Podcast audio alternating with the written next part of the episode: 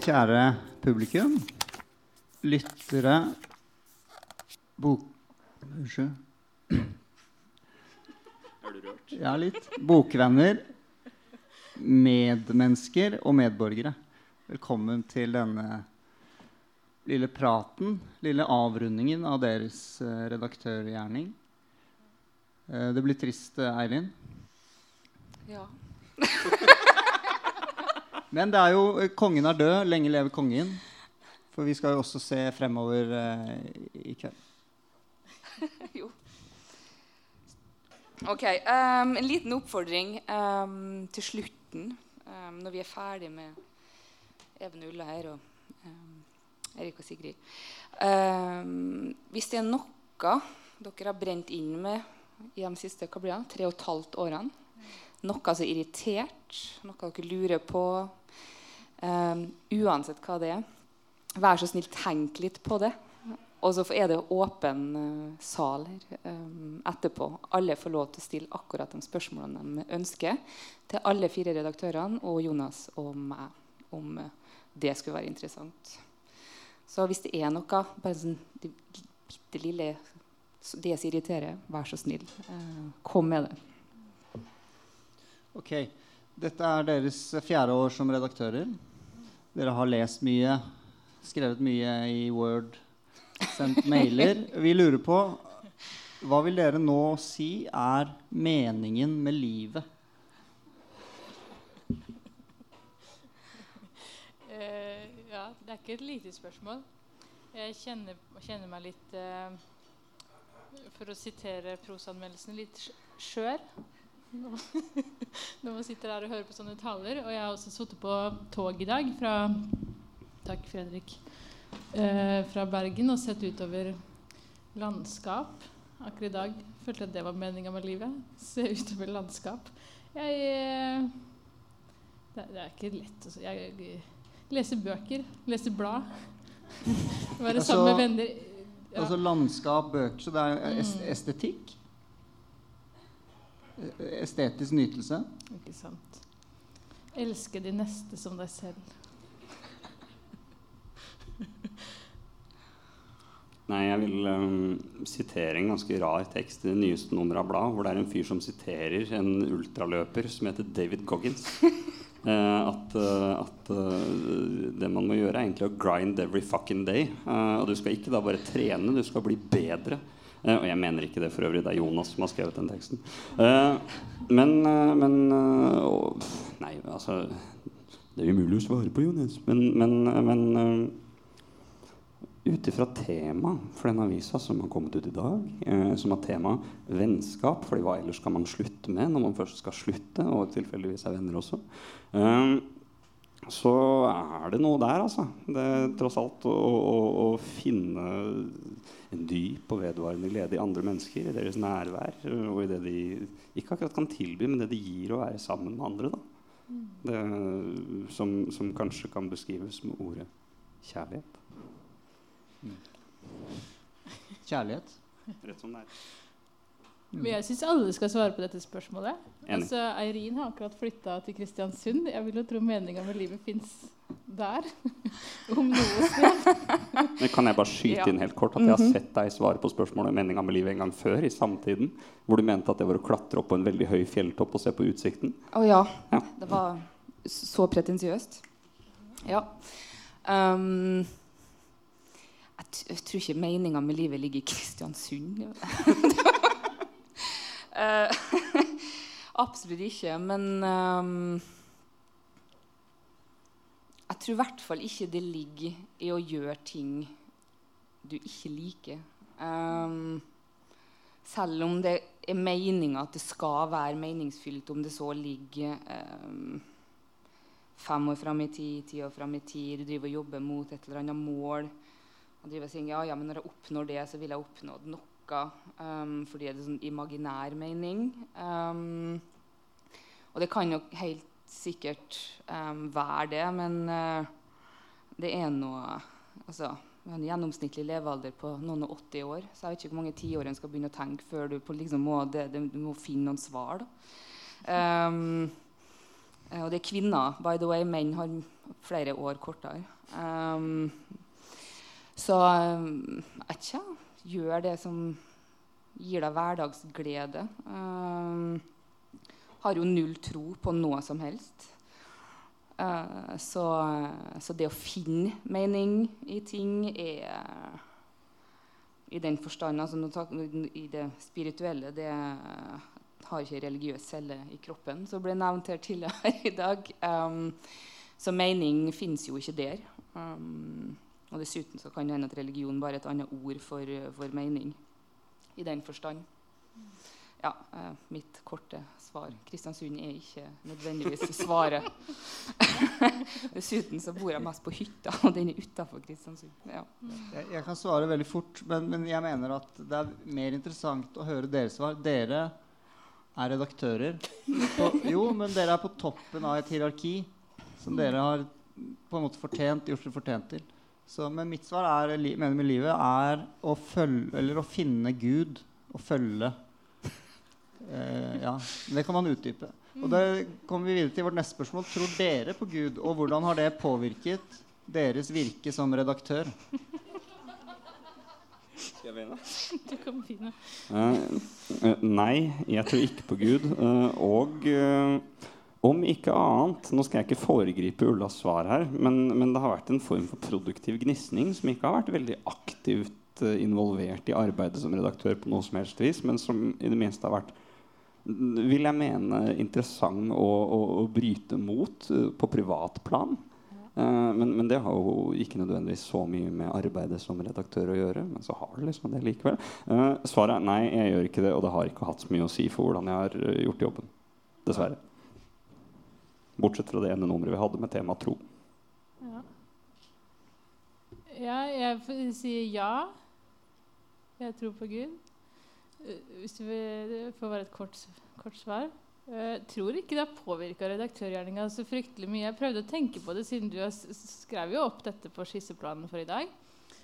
Uh, og vi hadde jo dette nummeret om tro nå i våres. Det kom etter tre år. Tok det før det kom. Jeg, jeg skrev litt om Gud i sånn masteroppgaver og sånt nå. mens jeg studert. Og tenkte, Jeg blei litt lei av det. Tenkte jeg må jo være interessert i andre ting også. Så jeg har egentlig unngått å ha så mye om, om det i blad veldig lenge. Eh, og om det har prega bladet på noe vis, så må det være en sånn slags pietistisk arbeidsmoral som ikke bare preger troende i dag. Jeg tror det må være noe sånt grundighet, et eller annet sånt noe. Heller enn uh, det faktiske innholdet. Er du enig, Even? Jeg vet ikke. Jeg, jeg skulle ikke si at pietistisk arbeidsmoral lider jeg av selv. Ja, uh, så, så, da kan vi heller Mer altså, meg. Men, men, da kan vi jo begynne å snakke om, om spørsmålet om si, kristendommens betydning som ja. kulturell uh, sfære i mm. altså, Trygve Riise Gundersens bok 'Haugianerne' lanseres jo i morgen. og Den handler jo om bl.a. arven etter Hauge i det moderne Norge uh, osv. Men, men la oss ikke forsvinne inn der. Jeg har ikke lest boka. Nei. Men jeg, tenkte liksom på hvis, hvis, man tror på Gud, ikke tror på Gud, nihilisme Om det er en mening i livet altså, Vil det ikke påvirke arbeidet deres med tekstene? Er det liksom bare estetikk?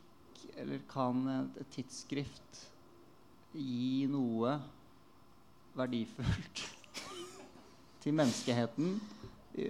Sier du nå at det eneste som egentlig er verdifullt, er Gud? Ja, det, det er min mening. Ja, da tar men, du feil. Men, uh, men vil ikke det, deres livssyn også påvirke tekstarbeidet? Ja, men det er jo ikke vi altså, Vi har jo skrevet noen tekster. Eh, men, men, det er jo skriv, vi har jo redigert ja. Vi kan jo ikke si 'skriv mer om Gud' når det handler om, om noe helt annet. Fair. La oss heller snakke om uh, noe, Fortell oss hva dere har lært da, som redaktører de siste årene. Ja, skal jeg begynne? Vi gikk jo eh, Altså, da vi tok over eh, egentlig praksis desember 2018 begynte vi å planlegge vår første avis uten lønn. Eller formelt da, januar 2019. Det var veldig gøy. Det var veldig gøy. Snødde mye. Eh, da, da eh, hadde vi, vi hadde ganske mange tanker om hva vi ville med avisa. Eh, vi skulle innføre temanummer. Det var det ikke før vi overtok. Eh, og vi skulle kutte ut alt som var tull. Ja, det skulle være gjennomført seriøst. Det skulle være seriøst. Vi syntes det var litt mye tull. Um, og det tror jeg var et bra grep da. Uh, jeg tror vi ble tatt mer på alvor, at bladet ble tatt mer på alvor. Men vi har jo unektelig begynt å tulle litt mer i løpet av åra. Så jeg, jeg har kanskje lært at det, det er gøy med litt tull også. Er det, er det lov å peke en finger i den retning den fortjener, da? For øvrig angående mengden tull i avisa, nemlig den. Jonas er ansvarlig for mye tull. Det andre jeg har lært, eh, kanskje å forstå Jonas Hansen Meyer bedre. Det var eh, I begynnelsen så jeg, jeg tenkte du var ironisk med alt. Eh, og så sa jeg det til deg. Så sa du nei, nei, nei. Det er ikke ironisk. For du mente det. Og det jeg har lært at du mener det, men, men det, er, det er ikke opphør av ironi av den grunn. Så eh, Hvordan jeg skal forklare det, vet jeg ikke, men jeg føler jeg har skjønt, skjønt, skjønt litt mer av Jonas Hansen-Weier. Ja. I tillegg til en haug andre praktiske ting. da. Skribenter trenger ulik respons. Noen leverer bra når de leverer seint. Um, hva som kan skje med en tekst i løpet av en redigeringsperiode. Hva som kan bli bra, og hva som ikke kan bli det. Ja. Mm. Får jeg bare skyte inn også at 'jeg er ikke ironisk' er et Dag Solstad-sitat uh, som er ganske ironisk i den konteksten det står i. Og det kan hende Jonas bare siterte det. Uh, ja, nok om det. Uh, jeg har lært verdien av sko. for hvis dere ser ned under bordet på mine og Ullas føtter, så vil dere se at vi har like sko. og det, det er det vi kaller redaksjonelle sko. Uh, som er noe vi har satt inn som en statutt, uh, eller et krav, i bladredaktørrollen. Fordi man burde ha redaksjonelle sko. Uh, grunnen til Det sånn, det var egentlig bare at jeg skulle ha nye sko. og så ble du med fordi vi var og spiste lunsj i, i Torgata et eller annet sted. Og, og, så har det vist seg at disse skoene har ført til en form for liksom, intens identitetsmessig forbindelse at vi går med disse skoene når vi er på kontoret, og at de er en del av, av hvem vi er som redaktører. Som jeg er ganske sikker på at har styrka det arbeidet vi har gjort. På sitt rare vis, bare fordi man har en sånn dum felles ting å forholde seg til. Som, altså, det er jo unektelig en ganske frustrerende, irriterende og tidvis kjedelig og slitsom jobb. Men å da kunne tenke på at vi i det minste har noen veldig teite, like sko, eh, det er ganske fint. Det er en glede å ha de på i dag. Det er lenge siden jeg har brukt de. Så det har jeg lært. Er det det du har lært? Det er, det er den viktigste delen. Hva er dere mest stolt av å ha fått til uh, i deres redaktørperiode? Dette sto ikke på uh, lista, men uh, jeg, ah, det, det er jo liksom Hver gang vi kommer med en avis, så har vi stort sett sagt 'dette er den beste avisa'. Og det er litt gøy. At vi stort sett syns at dette er den beste avisa. Uh, og så er det jo på en måte av en eller annen grunn noen aviser som sitter igjen litt lenger enn andre etterpå. Uh, veldig gøy med den uh, såkalte annerledesavisa som kom nå, kom nå i mai. der vi snudde alt på hodet og ting var anonymt. det var veldig gøy. Jeg syns det var gøy med poesiavis forrige høst. Den fikk jo litt oppmerksomhet. Og vi har vi har søkt oppmerksomhet, rett og slett. Vi har prøvd å nå, prøvd å nå ut og skape om ikke rabalder, så i hvert fall noe som noen kan snakke litt om. Og det fikk vi litt med den. Det, hva, var, hva, var, debatten da ettertid? Nei, Vi fikk en uh, haug kritikere til å innrømme at de uh, frykter poesien. og og det fikk jo litt oppslag, og det ble litt snakk om, om poesi, anmeldelser av poesi. Uh, ja, den, den, type ting. Det førte vel til at NRK plutselig anmeldte poesi, om jeg ikke tar helt feil? Ja, men de hadde plutselig ganske mange. Jeg, eller kan hende jeg bare finner på, men jeg mm. føler at det har skjedd. Det er et eller annet sted som i hvert fall plutselig dekka mye poesi eh, etter at den avisa kom ut. Mm. Hva, hva, er du mest stolt av? Nei, mye det samme som Ulla sier. Altså, den generelle stoltheten over hva avisa har blitt. At den er sånn pass liksom, altså, så, Hva skal man si? Sammenknytta miljø, i hvert fall i hovedsak. At vi har liksom klart å danne en liksom utvida sirkel av skribenter, journalister og, og kritikere som har jeg inntrykk av trives i hverandres nærhet og kanskje til og med føler at de er del av noe. eh, og har vært med på å være del av det noe. Har vært veldig, veldig gøy. Eh, og så er jeg ekstremt stolt av at vi klarte eh, i vårt første halvår som redaktører å snylte oss til en interrail-tur gjennom Tyskland. Uh, under påskudd å skrive en reisereportasje, som vi også gjorde, som egentlig bare var en kritikk av hvor stygt det er i Frankfurt. Eh, det var kjempegøy. Hvor mye penger fikk dere? Vi fikk eh, Vi fikk jo sponsa reise av Og hotell i Frankfurt et og alt mulig. Ja, ja jeg, det, jeg tror det var 20 000 kroner eller noe. Det var gøy. Ja, det, var, det var 100 verdt det også. Anbefales eh, for alle som er redaktører av et tidsskrift. Dra til Tyskland på andres penger.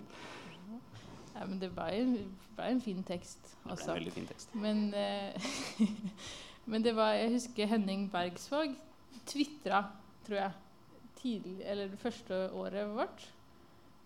Det, det, jeg tar riktig navn nå. Tvitra? Ja, han skrev på Facebook da, et eller annet. Der han skriver ting. At, eh, at uh, han hadde lest blad og kjente ikke igjen et eneste skribentnavn. Men han var veldig imponert over innholdet. Og nå har det gått noen år, og skribentnavnet har blitt kjentere.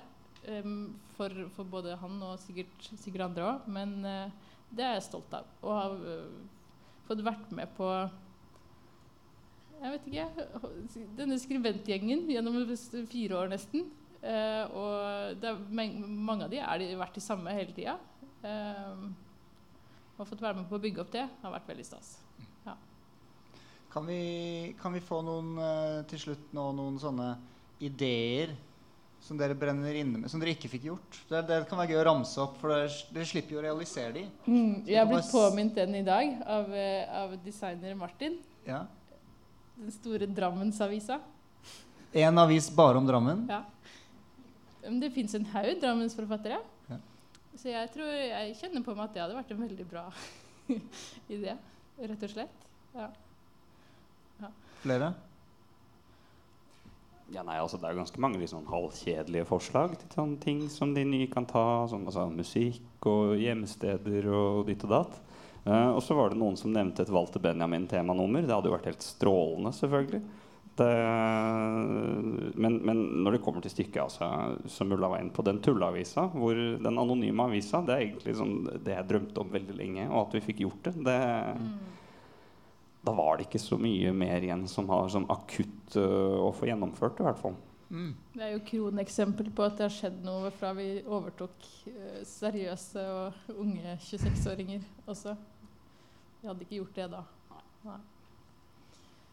Men uh, det er fint med Walter Benjamin. Da kan vi gå til neste um, siste spalte med dere. Eh, nå skal jeg lese for dere. En, og dere skal gjette er det Walter Benjamin som har skrevet det, eller er det dere selv som har skrevet det i, i lederne deres. Jeg mener jo alltid at Ulla og Even har skrevet veldig gode ledere opp igjennom. Er dere klare? Ja, ja. For Messias kommer ikke bare som frelser. Han kommer som den som nedkjemper Antikrist.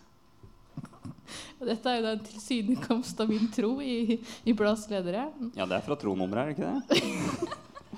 Nei, altså, Nå husker jeg ikke nøyaktig hvilken tese det er. Det er vel kanskje tese 6 eller 7 av, om historiebegrepet av uh, altså Walt Benjamins siste skri Applaus. skrift. Tese 6.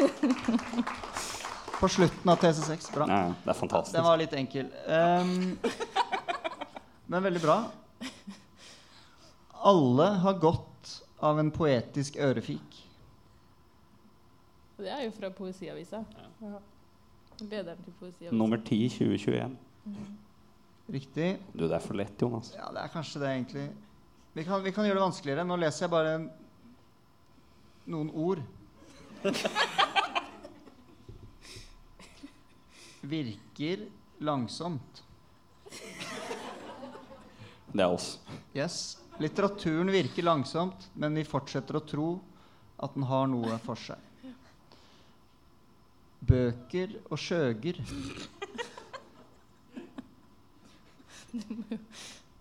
Det er Walter Benjamin. Bøker og skjøger kan man ta med seg i sengen. Nei, men dere, dere klarer det. Dette er veldig bra. Eh, publikum, dere har jo muligheten etterpå til å stille spørsmål. Så alt det vi ikke fikk spurt dem om nå, det håper jeg dere kommer med etterpå. Men nå skal vi hilse på de nye redaktørene i Blad. Eh, Gi en stor applaus til Eirik og Sigrid.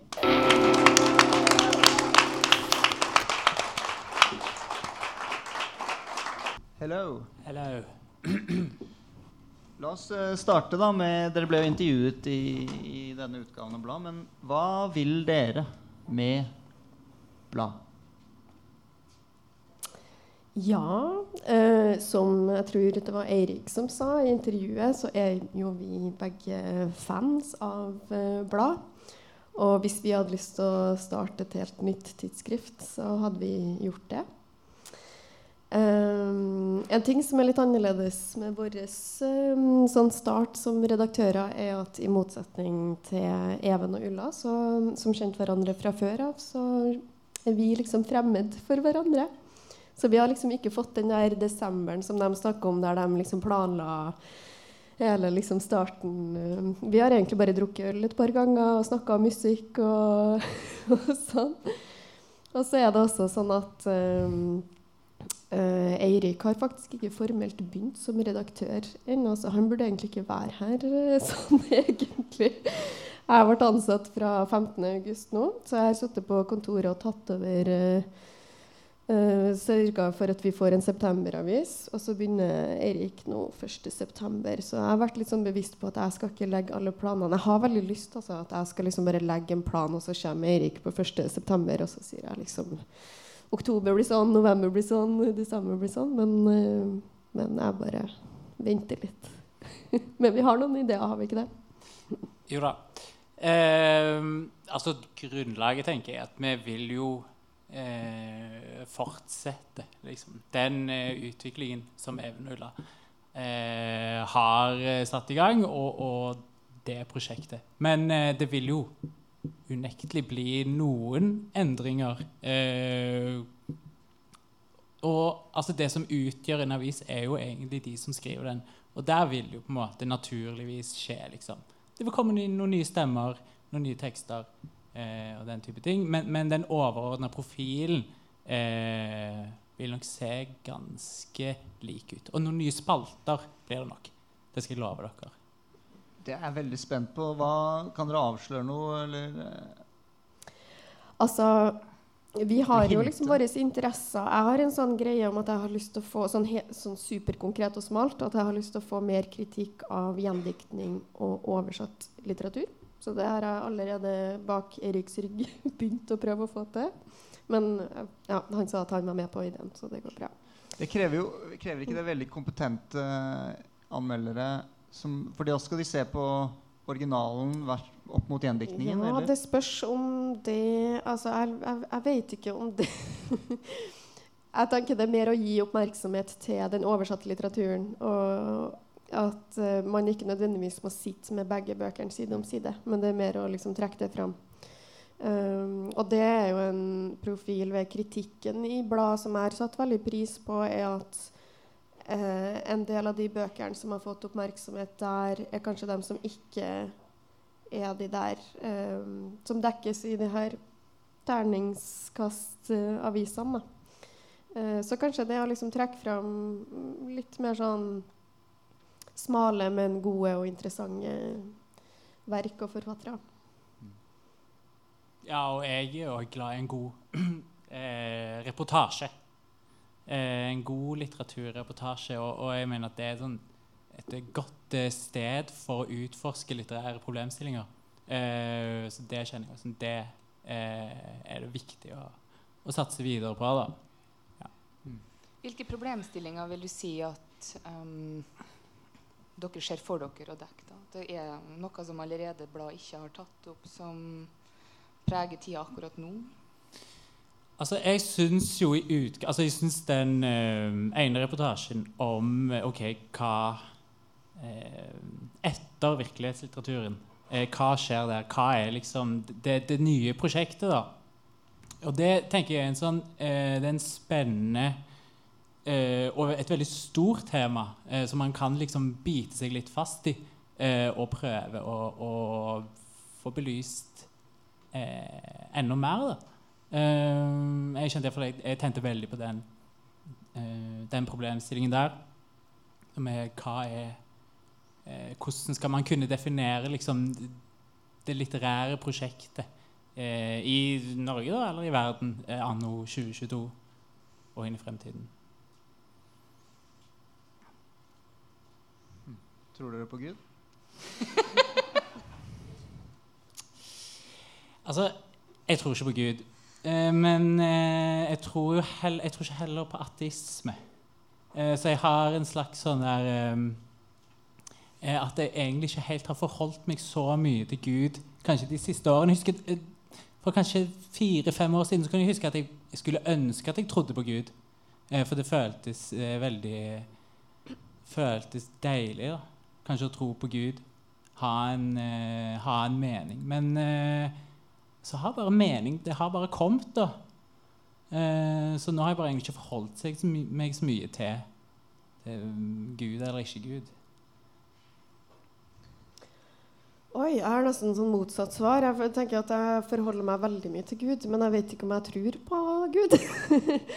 um, jeg har eh, vokst opp i en kristen familie, så jeg føler liksom at um, selv om jeg ikke definerer meg som kristen i dag, så føler jeg nesten at jeg alltid ja, forholder meg til Gud på et vis.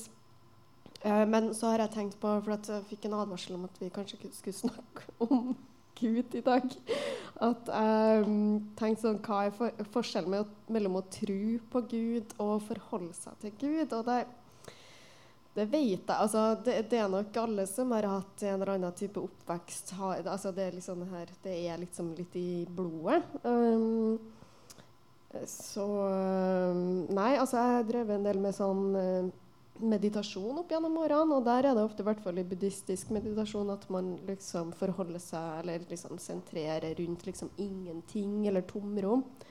Og det syns jeg kan ha noe for seg, men jeg syns også den der kristne bønnen til Gud av og til melder seg som et sånt behov jeg kan ha. Da. Det å henvende meg til en eller annen person som ikke er meg. Og det er det, det, det, det, jeg tror jeg mener når jeg sier at jeg forholder meg til Gud. Men det er veldig sånn pragmatisk, utnyttende forhold til Gud. Jeg er ikke noe sånn god, rettroende person. Men uh, ja. Kunne ha sagt veldig mye mer om det. Ja, det var fint. Uh, henvendelse. Det minnet meg litt om Kafka. Sier noe om uh, skrift og bønn. Husker ikke sitatet, men, mm. men det er noe der. Det er noe der. Ja.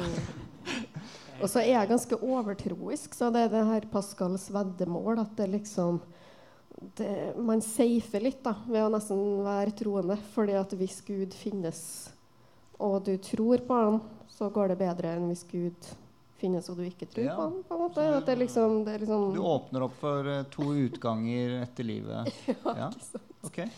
Er det for mye tull i blad? Er det blitt for mye tull etter at Even og Ulla ble eldre og mindre pretensiøse? Var det det som skjedde? Tror, det var sikkert det som skjedde. Tror ikke det? Eh, jeg syns ikke det er for mye eh, Jeg syns egentlig ikke at det er for mye tull. Det handler jo litt om eh, hvor, man, hvor, man, plasserer tullet. Jeg syns jo at tull er jo er veldig viktig. da. Viktig å tulle, leke. Uh, og iallfall eh, ha altså, Om man ser at her er det lov til å tulle litt, så tror jeg at terskelen er lavere for å teste ut noen nye tanker, noen nye ideer, eh, istedenfor å bare gjenprodusere de gamle eh, ideene og, og, og, tekstene. da. så jeg tenker at det har sånn, nesten, sånn, det har nesten en pedagogisk funksjon òg, å ha litt, litt, tull og lek. Jeg er helt enig. Jeg syns at um tull og tull. Altså det, det, er noe med å liksom la, ha rom for liksom eksperimentering, og at skribenter kan liksom finne sin egen stemme. Um, det husker jeg var en ting Jeg har skrevet uh, kritikk for blad i um, et år, to år kanskje. Og da jeg da jeg skrev første anmeldelsen min for blad, så skrev Even sånn Jeg merker meg at du er veldig uh, god til å ikke skrive 'jeg'. Og så skrev han 'Jeg liker jeg'. og det syns jeg var en veldig sånn fin oppfordring. Jeg har ofte tatt det med meg at OK um, så Mange som har gått litteraturvitenskap og sånne ting, at du lærer deg veldig å utslette det jeget. Jeg skal bare være nøktern og objektiv. Mens i blad så kanskje inviteres du, du til å liksom være litt personlig og ha din egen stil. Og, og det tror jeg absolutt er noe vi skal ta videre. Mm. Litt om eh, dere sånn spesifikt. for I intervjuet så kommer det fram flere ting om dere. En ting med deg, Erik. Du liker 1800-tallsromanen. Jeg husker ikke hvordan du formulerte deg, men at du er en sånn 1800-tallsroman 1800-tallsmann, kanskje? Ja. hva kan være? Nei, jeg tror ikke men, hva, hva, er det med 1800-tallsromanen uh, som uh, treffer deg?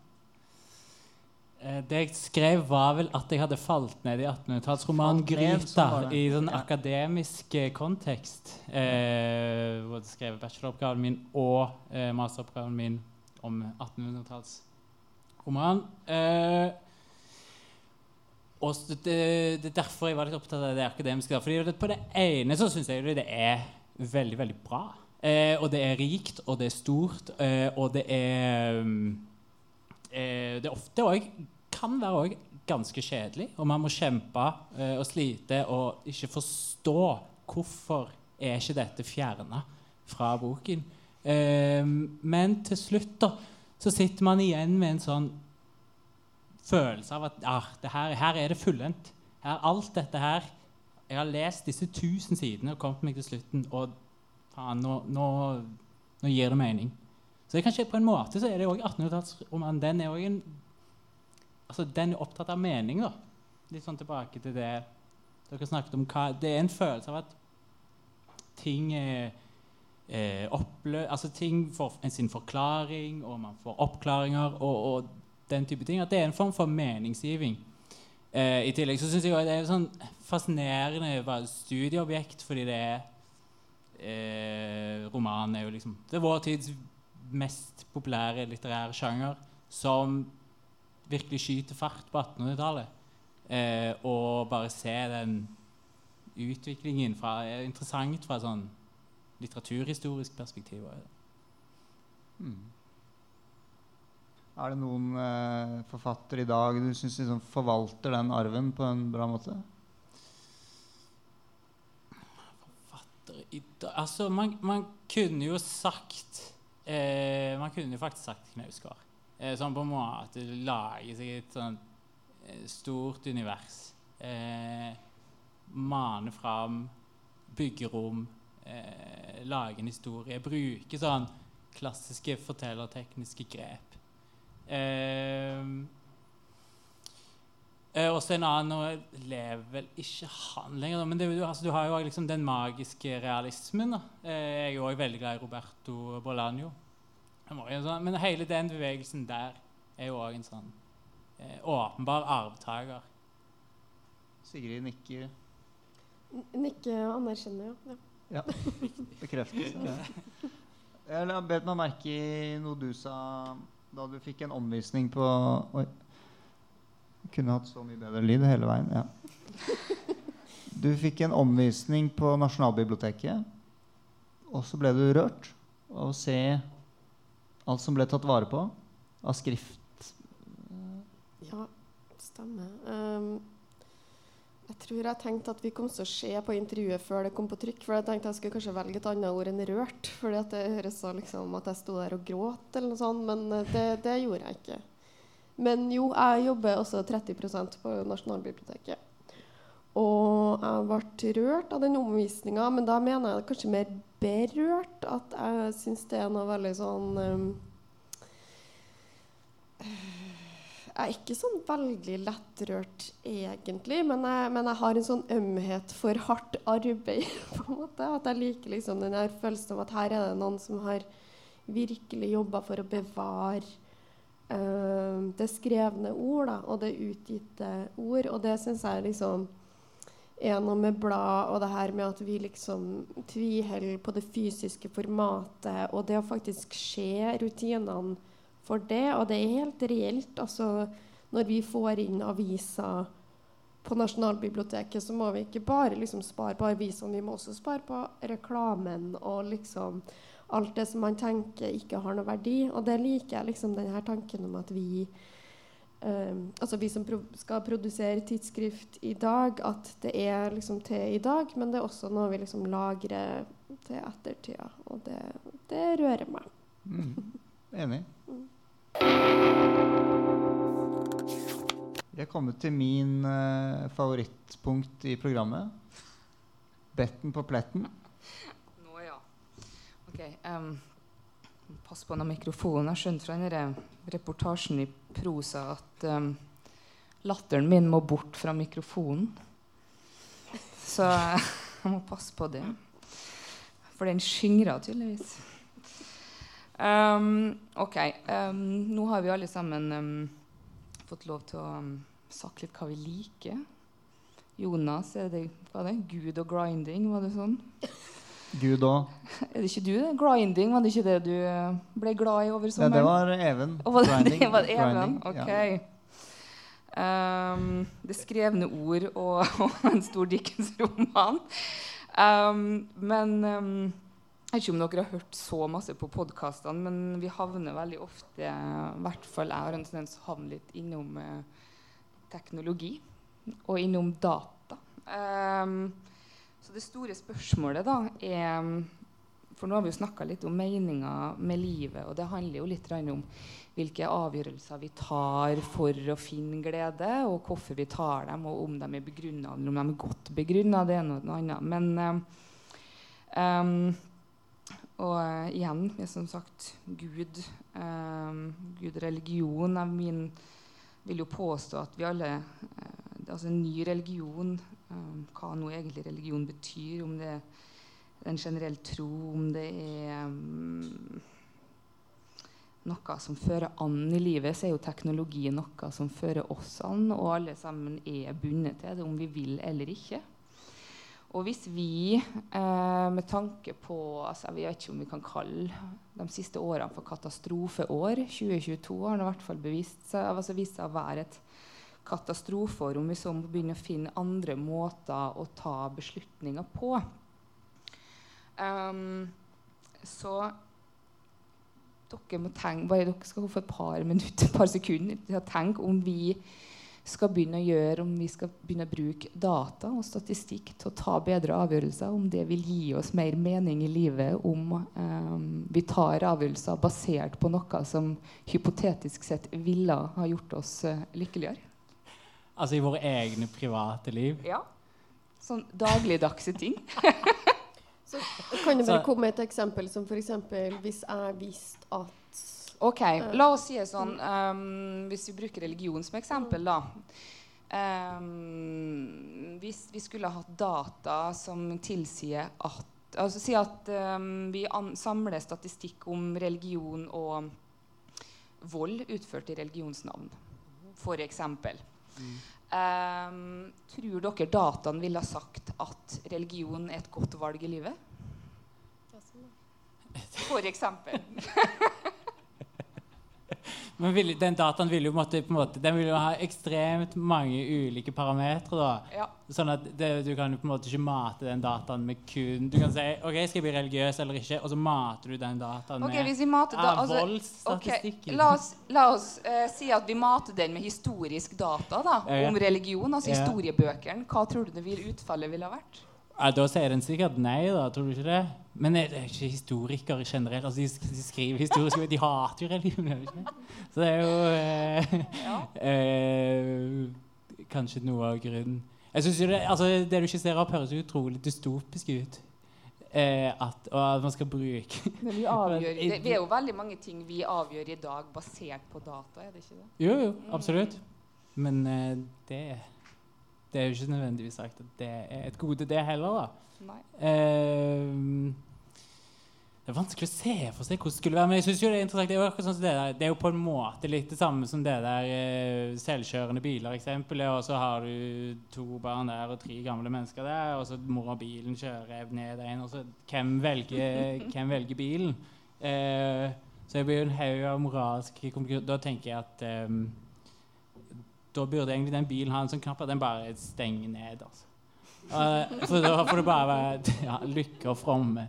Fordi at da må tilfeldighetene få rå igjen. Ja. Uh, så det er kanskje litt det da, at når det blir så inngripende, så må man uh, Så burde kanskje ikke data få lov til å avgjøre om jeg skal være religiøs eller ikke. Nei.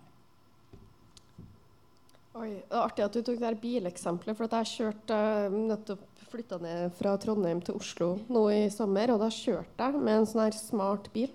Med sånn skikkelig sånn her eh, dere vet sånn som bare sier OK, jeg har én passasjer i baksetet. Og så sier de OK, to passasjerer har ikke på seg bilbelte. Og så sier ja, men det er bare én passasjer. Og det, det, blir for smart. på en måte. Og da tenkte jeg jeg vil ha en dum bil.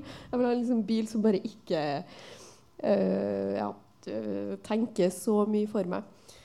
Nei, jeg vet ikke. Jeg syns det var et kjempespennende spørsmål. Og det, det toucher jo inn på liksom det her med om liksom, mennesker Om vi er liksom rasjonelle eller irrasjonelle, og om vi i det hele tatt har lyst til å være rasjonelle, på en måte. At liksom har vi ikke lyst til å ja, med tanke på meninga med livet og følelsen av å ha liksom, autonomi, jeg tar mine valg um, Jeg tenker man har jo alltid hatt mye kunnskap og informasjon, og nå er det jo bare enda mer med tanke på liksom data og, og sånn. Men jeg tenker folk har alltid liksom gjort sine egne feil og tatt egne valg for det.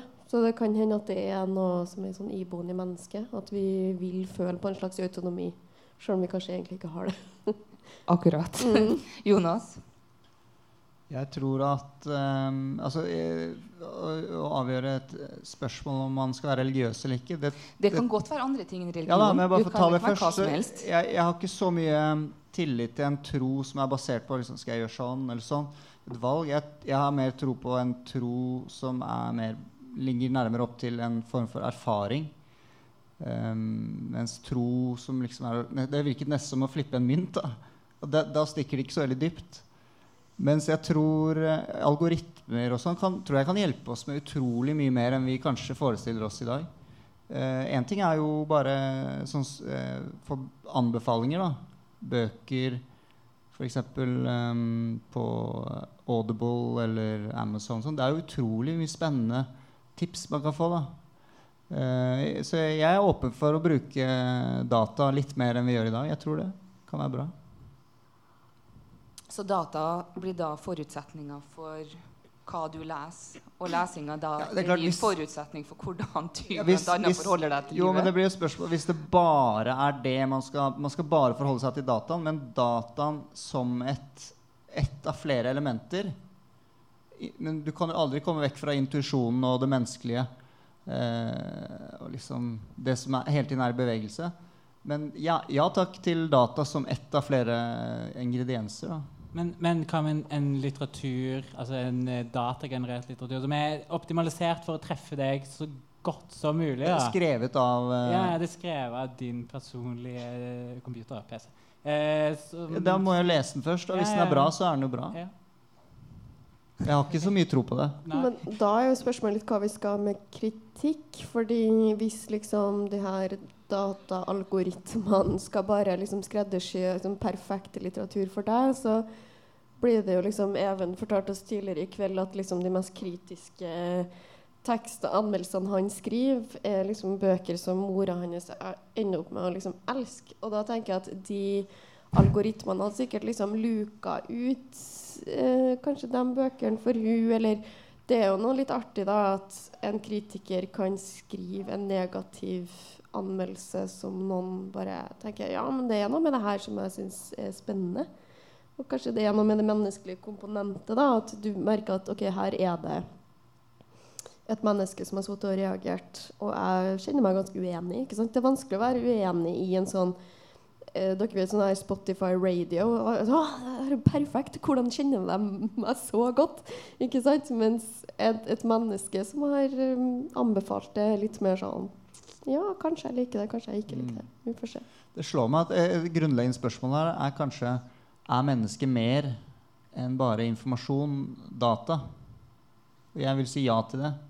Jeg, jeg er helt med deg. Ja. Noe mer. Noe mer. Ja. Okay. Ja, da åpner vi opp. Da sier vi bare Skal vi bare sette strek der og åpne opp for Q&A? Ja, nå er Q&A. Da må Even og. Ulla komme opp. Kan vi finne to stoler eh, til dem òg? Det er noe- spørs om han har noen spørsmål, da. Det er, Ta og Snakk sammen først med de dere sitter ved siden av. Og alle kommer på ett spørsmål. Godt spørsmål. Eh, hver gang noen sier at, at at noen berømmer noen for et spørsmål, så har- har de ikke et svar. Eh, jeg syns jo for det første at eh, avisformatet, altså bare sånn rent eh, taktilt, er jo veldig eh, behagelig å sitte med kontra en, eh, liksom en, et tidsskrift, da, f.eks. Uh, og så er det jo noe med at det må jo òg Det skiller seg jo ut. Eh, det er noe eget. Eh, en litterær avis som kommer ut en gang i måneden, det er eh, et unntak, da. Eh, og det mener jeg på en måte Det har en verdi i seg sjøl. Eh, ja. Sigrid, du hadde òg et Nei, jeg er helt enig. Jeg syns det er noe med at uh, avisformatet har en sånn Uh, Hva skal jeg si? Det har en sånn aktualitet ved seg bare i selve det fysiske, taktile. Det er liksom noe, noe som er lett å liksom plukke opp, dele, rive ut artikler av. Det er liksom noe uh, som jeg syns frigjør en del uh, kreativitet og liksom interessante ting også på det tekstmessige. Eh, og så er det interessant det med liksom at det er en månedsavis, ikke en eh, dagsavis. Eller at vi kan liksom både være aktuelle og litt sånn eh, tilbakesku... At vi kan ta en litt sånn oppsummering på en måte og se litt tilbake og framover samtidig. noen andre spørsmål?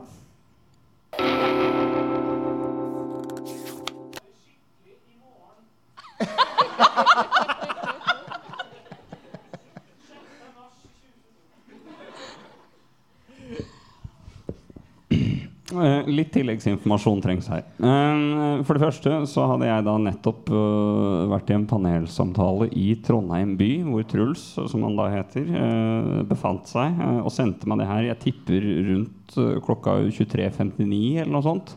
Altså etter at du hadde dratt hjem etter å ha sittet på fylla sammen med mora mi. uh, som faktisk var tilfellet. Uh, han har også bodd sammen med lillebroren min.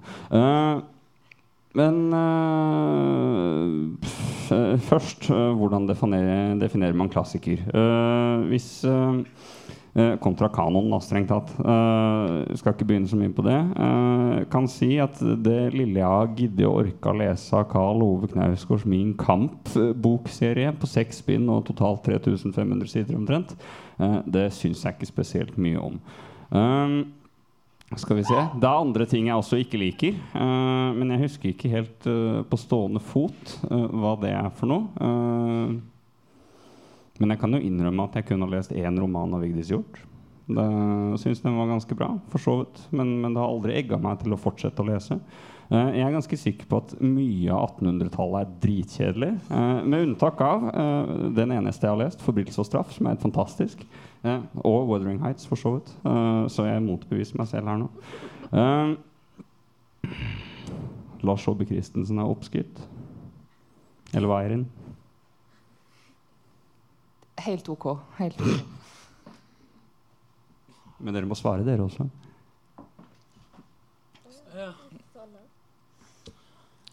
Skal du svare, Jonas? Ja. Ja.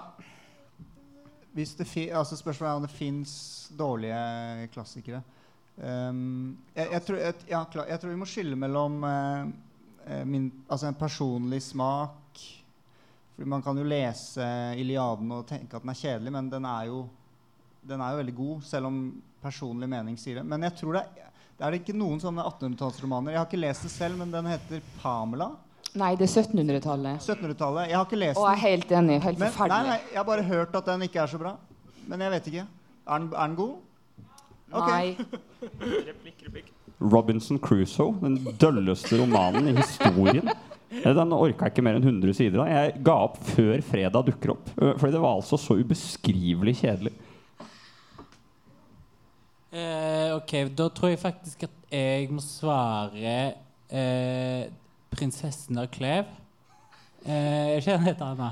Jo, av et eller annet Lafayette. Den var et ah, langt snork av en bok fra 1600-tallet som alle i Frankrike må lese. Stakkar folk. Eh, og det er bare De er på noe ball, og det er noe greier. Og så er det noe renkespill. Den trengs ikke å leses. Det er bare en døll bok, egentlig. Oi um, Jeg tør nesten ikke å si det. Jeg er ikke så glad i Hamsun. det kan jeg bare si. Um, jeg liker sult, men ellers så ikke så glad i Hamsun.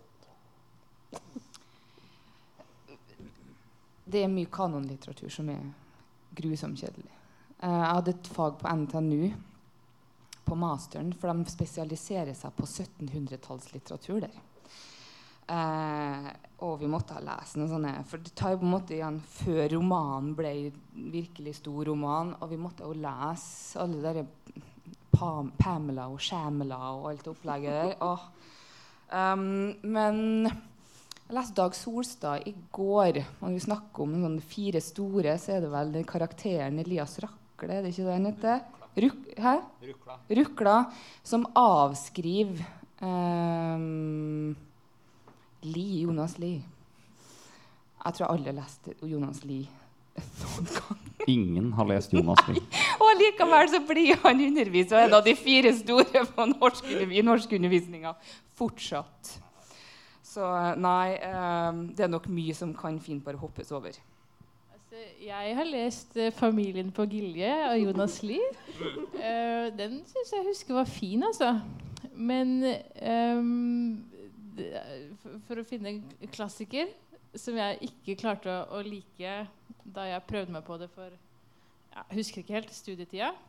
Som jeg egentlig er veldig åpen for at kan være bra, det er Jane Austen sine bøker. Jeg har prøvd meg på tre. Jeg har aldri klart å fullføre. Det tror jeg handler om min bondskeslekt. Jeg, jeg klarer ikke alle disse teselskapene. Jeg får helt fnatt. Og alle jentene, kvinnene, de er så kvinnelige at jeg, jeg klarer ikke det heller. Um, så, så det, men jeg tror egentlig at det er bra. det bare har butta litt imot hos meg der. Siste spørsmål eh, fra salen. Det har jeg sagt gjentatte ganger til alle jeg omgås som ikke er de to nye redaktørene. Uh, uh, og det er uh, først at de skal kjøpe bedre sko enn det Ulla og jeg har hatt. Og dernest at de skal bli bedre enn oss. ja, men det er, det er så narsissistisk som det. Altså. det er, altså, jeg, vil jo helst at, at dere, som Åsen Jorheim påpekte, skal erobre verden. Men også ikke. Det er en liten del av meg unner dere ikke det. Folk skal liksom snakke om storhetstida da det var Ulla og Even. Og Bare vent, bare vent. Økonomisk ruin.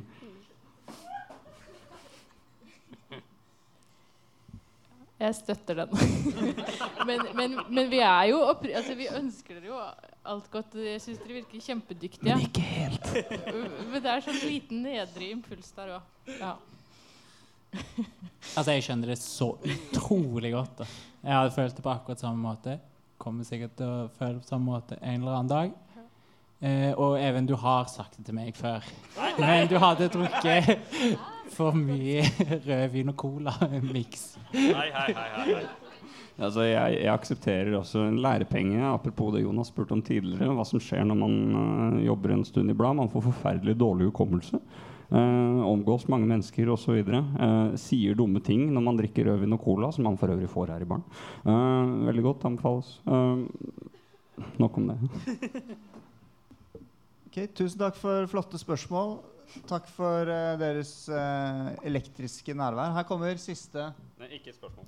Eh, bare en påpekning av at der borte, eh, ved siden av døra, ligger det eh, trykkferske aviser eh, sendt ut i dag. Det er ikke så jævlig mange, eh, fordi vi har redusert opplaget vi får sendt til kontoret til 50 eksemplarer. Eh, og så tipper jeg det kanskje er 40 stykken, så del de liberalt. Eh, sørg for at eh, de som fortjener det mest, får først. Sånn som Thea Baugstø, som nettopp stjal et eksemplar bak alles rygg. Um, og, og ellers egentlig det, det er rørende å se dere her. Takk for at dere kom. Hallo. Mitt navn er eh, da som kjent eh, Gunnar Totland. Jeg er den eh, ydmyke utgiver av Bokvenn litterær avis, BLA, på forlaget Solum Bokvennen. Ja. Kjære mine vakreste redaktører. Mine dyrebare, evigeide redaktører. Kjære Ulla og Even. Og med dere, alle som bidrar og har bidratt med tekster, illustrasjoner og design til dette utsøkte medium BLA. Takk. Takk for en fantastisk tid. Takk for det bladet er blitt, og ikke minst det blad kommer til å bli. Det skal sterke rygger til å bære gode dager. Dere har sterke rygger. I dag er en milepæl opprunden. En merkestein har plassert seg midt i vår tids flommende fløde av medial forvaltning. Noe er på gang. Vi ser det på været. Vi ser det på fuglenes flukt over den veldige himmel. Vi ser det på inflatoriske tendenser i kulturfeltets vrimmel. Vi ser, vi ser. For det er redaktørskifte i blad. Det er redaktørskifte i blad. Og det times for en epoke, en produktiv og bejaende epoke, med utstrekning over hele fire år. Og noe nytt skal komme, og stå på skuldrene til det gamle.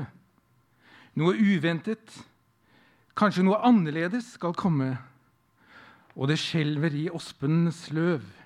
Det virvler i tidevervenes søkende støv. Det er den nye tid som opprinner.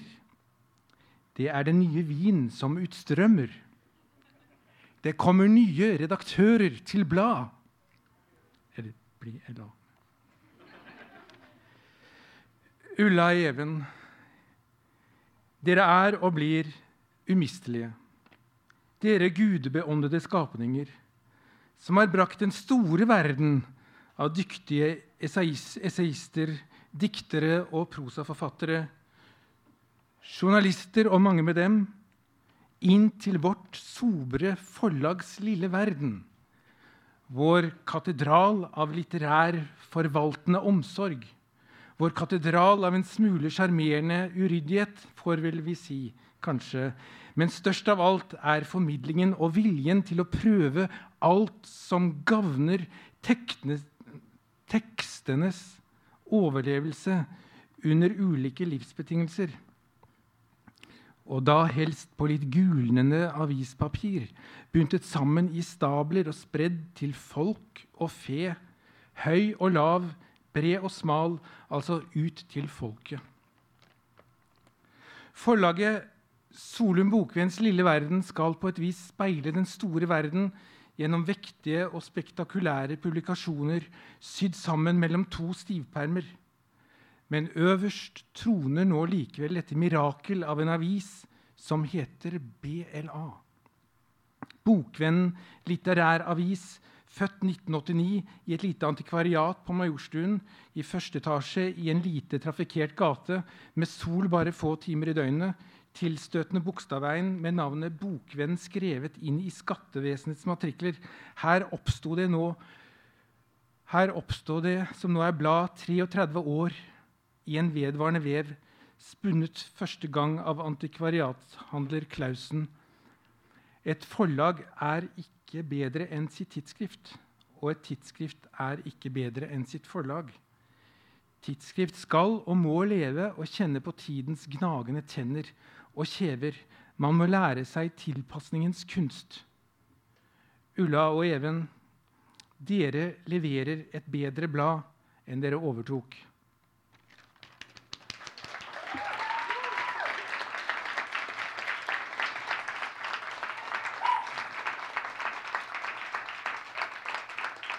Og så må jeg få lov til å sitere Prosas anmeldelse av i går. Sitat. De er unge og velutdannede. De lager både podkast og tidsskrift og byr på fyrverkeri og pludder, alvor, lekenhet og det dypt bevegende. Blad for verdensfreden. På sitt aller beste er blad Bela et dypt bevegende tidsskrift når tekstene er henvendende, lekne og ivrige, i tillegg til at de har innslag av noe skjørt. Kanskje det alltid blir litt skjørt når man ikke tøffer seg for mye, eller ikke etablerer fiendskap som noe å holde fast i, jf. den tidligere omtalte vennligheten. Vennlighet betyr jo åpenhet, og det gjør at man hele tiden også er i kontakt med noe usikkert. Redaktørene Ulla Svalheim og Even Teistung har gjort en svært god jobb.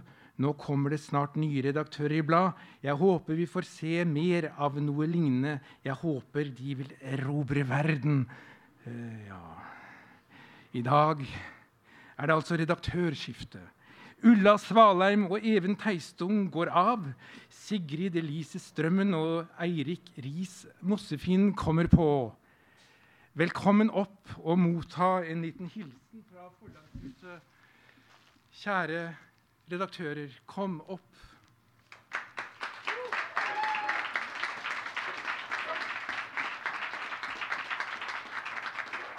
Her får dere en flaske ekte champagne og en blomst. Pluss den vakre posen Dostojevskij-posen fra forlaget. Her. Vær så god. Tusen takk.